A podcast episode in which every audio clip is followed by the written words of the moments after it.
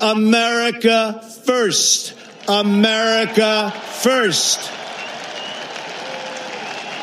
We will make America strong again. We will make America wealthy again. We will make America proud again. We will make America safe again. And yes, together we will make America great again. Merhabalar, ben Rıfat Özcan. En yerel ve en küresel sloganıyla yola çıkan Politik Gez Podcast programına hoş geldiniz. Bugünkü konuğum Yunus Emre Erdölen. Kendisiyle başlattığımız Amerikan seçim serimizi bugün de Trump ve Cumhuriyetçiler bölümüyle devam ettiriyoruz. Daha önce Amerikan seçim sistemi üzerine ve Demokrat Başkan aday adayları Joe Biden ve Bernie Sanders konu alan 3 program gerçekleştirdik. Bu programla beraber seçim sürecindeki lider düzeyindeki tüm ana aktörleri ele almış oluyoruz. Ve programımız başlıyor. Programa hoş geldin Yunus Emre. Hoş bulduk. Bugün bildiğiniz üzere Trump ve Cumhuriyetçileri konuşacağız. Amerikan seçim serimizin dördüncü programı olacak bu da. Öncelikle şunu sormak istiyorum. Trump 2016'da göreve geldikten sonra birçok e, vaatini e, gerçekleştirdi. Bunlar hangileriydi? Ne vaat etti? Nelere yaptı? Nelere yapamadı? Bunlardan kısaca bahsedebilir miyiz? Öncelikle kendisini başarılı bir iş adamı olarak tanımladığı için başarılı bir ekonomi yönetimi daha çok iş imkanı e, vaat etmişti. Bunu korona salgını Amerika'da yayınlanan ve etkisini göstererek yerine getirdi. Başarılı bir ekonomi, borsa çok iyiydi ve bir sürü yeni iş imkanı yarattı. Yak, e, yaklaşık 3 milyon yeni iş e, yarattı. Bu açıdan ekonomi vaatlerini yerine getirdi çoğunlukla. Çin ile aktif bir mücadele hem siyasi hem ekonomik olarak vaat etmişti. Bunu da aktif bir şekilde yerine getirdi. Özellikle Çin'le olan bu ticaret savaşlarında e, kendi seçmeninden e, takdir aldı. Göçmen sorunuyla kendi adlandırdığı e, şekilde mücadele edeceğini söyledi. Bunu da yerine getirdi kendi seçmenlerin nezdinde. Hem e, sınıra duvar vaadini yapamadı, bütçe çıkaramadı. Evet ama sonuç olarak sınırdaki güvenliği arttırdı ve göçmenlerin e, yasa dışı yollardan ülkeye girmesini azalttı. IŞİD'le aktif mücadele vaadi vermişti. IŞİD'in liderini bir suikast etkisi hale getirdi. Bu açıdan kendi seçmeni nezdinde başarılı oldu. İran ile mücadele edeceğini, İran ile yapılan nükleer anlaşmanın çekileceğini söylemişti. İran ile yapılan nükleer anlaşmadan da çekildi ve İran devletine büyük bir darbe indirerek Kasım Süleyman'ın öldürülmesi emrini verdi. Aynı zamanda da kültürel açıdan ve kültürel açıdan ve siyasi konularda daha muhafazakar yargıçları göreve getireceğini söylemişti. Trump başkanken Anayasa Mahkemesi'nde iki e, yargıç ataması gerçekleştirdi. İkisini de çok genç iki muhafazakar yargıcı atadı. Böylece Trump başkan seçildikten sonra da bundan sonra hiçbir cumhuriyetçi başkan seçilmese bile Anayasa Mahkemesi'nde çok genç ve e, büyük ihtimalle öğrenerek görev yapacak olan iki muhafazakar yargıç var. Bu noktada Anayasa Mahkemesi'nin çoğunluğunun da muhafazakar yargıçların tarafına geçmesine sebep oldu. Bu vaatleri de kendi tabanı tarafından oldukça takdir edildi. Şimdi bu 2020 Kasım'ında yapılacak e, seçimde de tekrar Trump'ın başkan adayı olacağını görüyoruz. Yani geleneksel olarak görevdeki başkan direkt eğer bir dönem daha görev yapma şansı varsa direkt başkan adayı olduğunu görüyoruz. Ama şimdi Trump da 4 yıl önce Cumhuriyetçi Merkez kanadının büyük bir tepkisine rağmen aday olabilmiş biri. Yani böyle biriyken yani Trump'a karşı neden parti içinden başka bir aday çıkamadı? Dolayısıyla Trump tabanda ve partide nasıl bu kadar güçlü bir figür olabildi bu dört yıl içinde? Yani bu kadar istenmeyen bir figürken şu an en güçlü aday nasıl olabildi? 2016 ön seçiminde çoğu merkez cumhuriyetçi, çoğu önemli sayıda siyasi Trump karşıtıydı. Never Trump tarzında asla Trump olmaz, Trump dışındaki herkes tarzında hareket ediyorlardı. Ama Trump'ın ön seçimi kazanmasıyla ve hem Amerika hem de dünyayı şok edecek şekilde iki seçimleri kazanmasıyla aslında Cumhuriyetçiler de kendi partilerinin ne kadar dönüştüğünü, kendi seçmenlerinden ne kadar uzak olduklarını anladılar. Ve Mitt Romney ve John McCain dışında yani eski Cumhuriyetçi başkan adayları dışında çoğu Cumhuriyetçi Donald Trump'ın arkasında birleşti. Onun politikalarını benimsemeye, onun tarzını benimsemeye başladı. Bu yüzden de 2016 yılında asla Trump olmaz diyen, Trump'a aktif bir şekilde karşı çıkan bütün Cumhuriyetçiler ikna edildi ve seçmenlerinin dönüştüğüne inanarak Trump'ın seçmenlerini, Trump'ı seçen Cumhuriyetçi seçmenleri ikna etmek için onlar da Trump gibi davranmaya başladılar ve Trump politikalarını desteklediler. Bu yüzden o eskiden o establishment cumhuriyetçi, merkez Kanada yakın cumhuriyetçi diyebileceğimiz siyasilerin etkisi giderek azaldı. 2020'de sembolik açıdan 2-3 tane aday vardı Trump'ın karşısında. Bill Weld, Joe Walsh gibi ama bunlar çok e, az oy aldılar. Trump %95 alırken ön seçimlerde 2020 tarihinde bu adaylar %5 aldılar. E, zaten sonra da çoğu adayken çekildi. Trump böylece Cumhuriyetçi Parti'deki en önemli insan ve neredeyse hiç çok az sayıda muhalefete parti içinden alan bir başkan olarak e, ön seçimlere girdi güçlü bir başkan olarak. Evet tarihsel olarak başkanlar yeniden seçilir. Görevdeki başkanlar. Jimmy Carter çok müstesna bir örnek. Ama ekonomi iyiyken bir başkanın görevdeyken ve ekonomi iyiyken yeniden seçim olasılığı çok yüksek tarihi verilere bakarsak. Ama şu an korona zamanında, korona salgınında Kasım'dan ekonomi nasıl olacak? Amerika'daki durum ne olacak? Bu belirsiz olduğu için Trump'ın e, acaba görevdeki başkan olarak yeniden seçilip seçilmeme konusunda belirli soru işaretleri var tabii. Bir belirsizlik var. Bu dönemde Trump'ın vaatleri neler olacak genel olarak? Yani Cumhuriyetçi tabanın beklentileri bu dönemden neler olacak ve partinin ve Trump'ın politikaları da buna yönelik mi şu an gözüken? Ya tabii ki bu korona salgını da bütün seçim gündemini tamamen değiştirdiği için öncelikli vaadi bu korona salgınıyla mücadele edilmesi, koronadan sonra ekonominin toparlanması ki bugün Amerika'da bu korona önlemlerine karşı özgürlüklerimiz elimizden alınıyor diyen bir cumhuriyetçi tamam var. Eylemler yapıyorlar valiliklerin önünde. Özellikle demokrat valiliklerin önünde. Onlara yönelik bu ekonomi toparlanması, işletmelerin yeniden açılması, özgürlüklerin yeniden tesis edilmesi gibi vaatleri olacak. Bir yandan da korona salgınıyla aktif bir şekilde mücadele etme tabii ki 2020 kampanyasının merkezinde olacak. Ee, özellikle e, korona dışındaki gündemi ise bu e,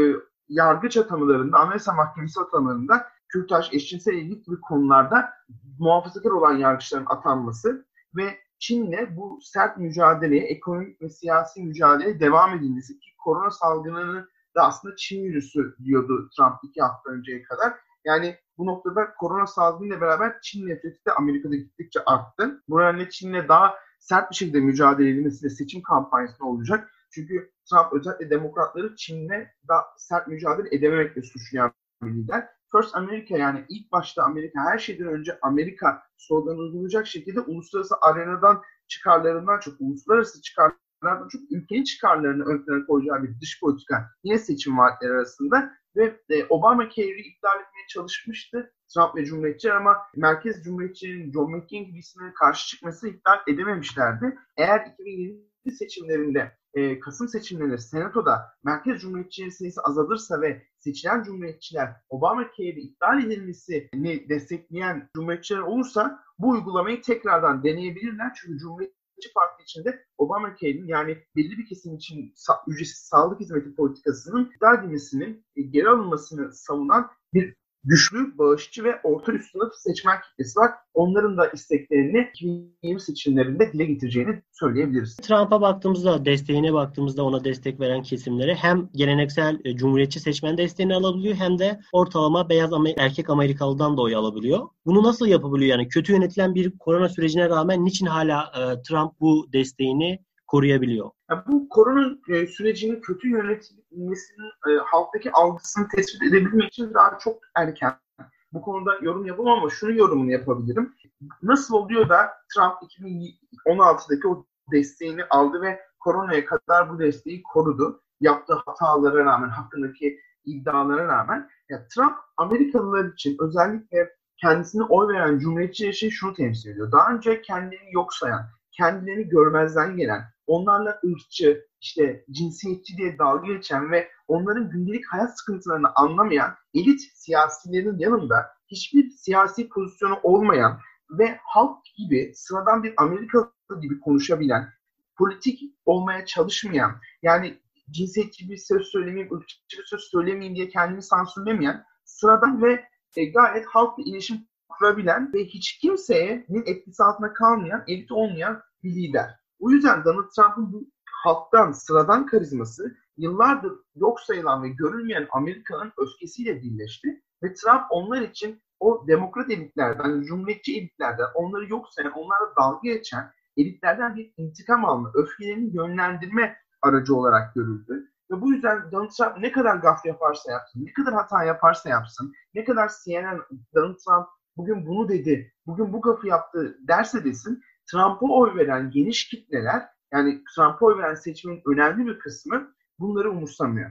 Çünkü Trump onların onlar için öfkelerini, sistem tarafından yok sayılmalarını, sistemden dışlanmalarını, gündelik ekonomik kaygılarını duymayan elitlere karşı ve onların kültürüne karşı, kültürel düzene karşı bir sesi, öfke araçları, bir intikam aracı. Bu yüzden Donald Trump ne kadar intikam dolu, ne kadar antidemokratik şeyler söylese de seçmen kitlesini de bir azalma yaşanmıyor. Bir karizma olarak görülüyor bu cesur tavrı. Parti için muhalefete odaklanmak istiyorum. Yani baktığımızda senatoda çoğunluk lideri olan McConnell üzerinden tüm parti için muhalefete rağmen Trump kongreyi kontrol edebiliyor. Yani bunu başarmasının e, sırrı ne? Yani bunu nasıl yapabiliyor peki? Yani parti için muhalefet yok denilecek kadar az. Özellikle bu Trump'ın aziz sürecinde Hı-hı. temsilciler meclisindeki demokratlar oy kullandılar Trump'ın azledilmesi için lehine. Ama senatoda ise tek sadece bir cumhuriyetçi Trump azledilsin oyu kullandı. O da Mitt Romney'di. Diğer bütün cumhuriyetçiler Trump'ı eleştirmelerine rağmen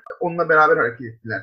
Yani çoğu konuda çok az sayıda cumhuriyetçi Trump'a karşı hareket edebiliyor. Mitt Romney her durumda sesini çıkardı. Evet ama mesela Lisa Murkowski, Susan Collins gibi daha merkez, daha ılımlı cumhuriyetçi diyebileceğimiz, yeri geldiğinde Trump'ı eleştirebilen cumhuriyetçiler en kritik kararlarda gerçekten demokratların e, kendilerinden bir şey beklediği anlarda Trump'ı desteklediler.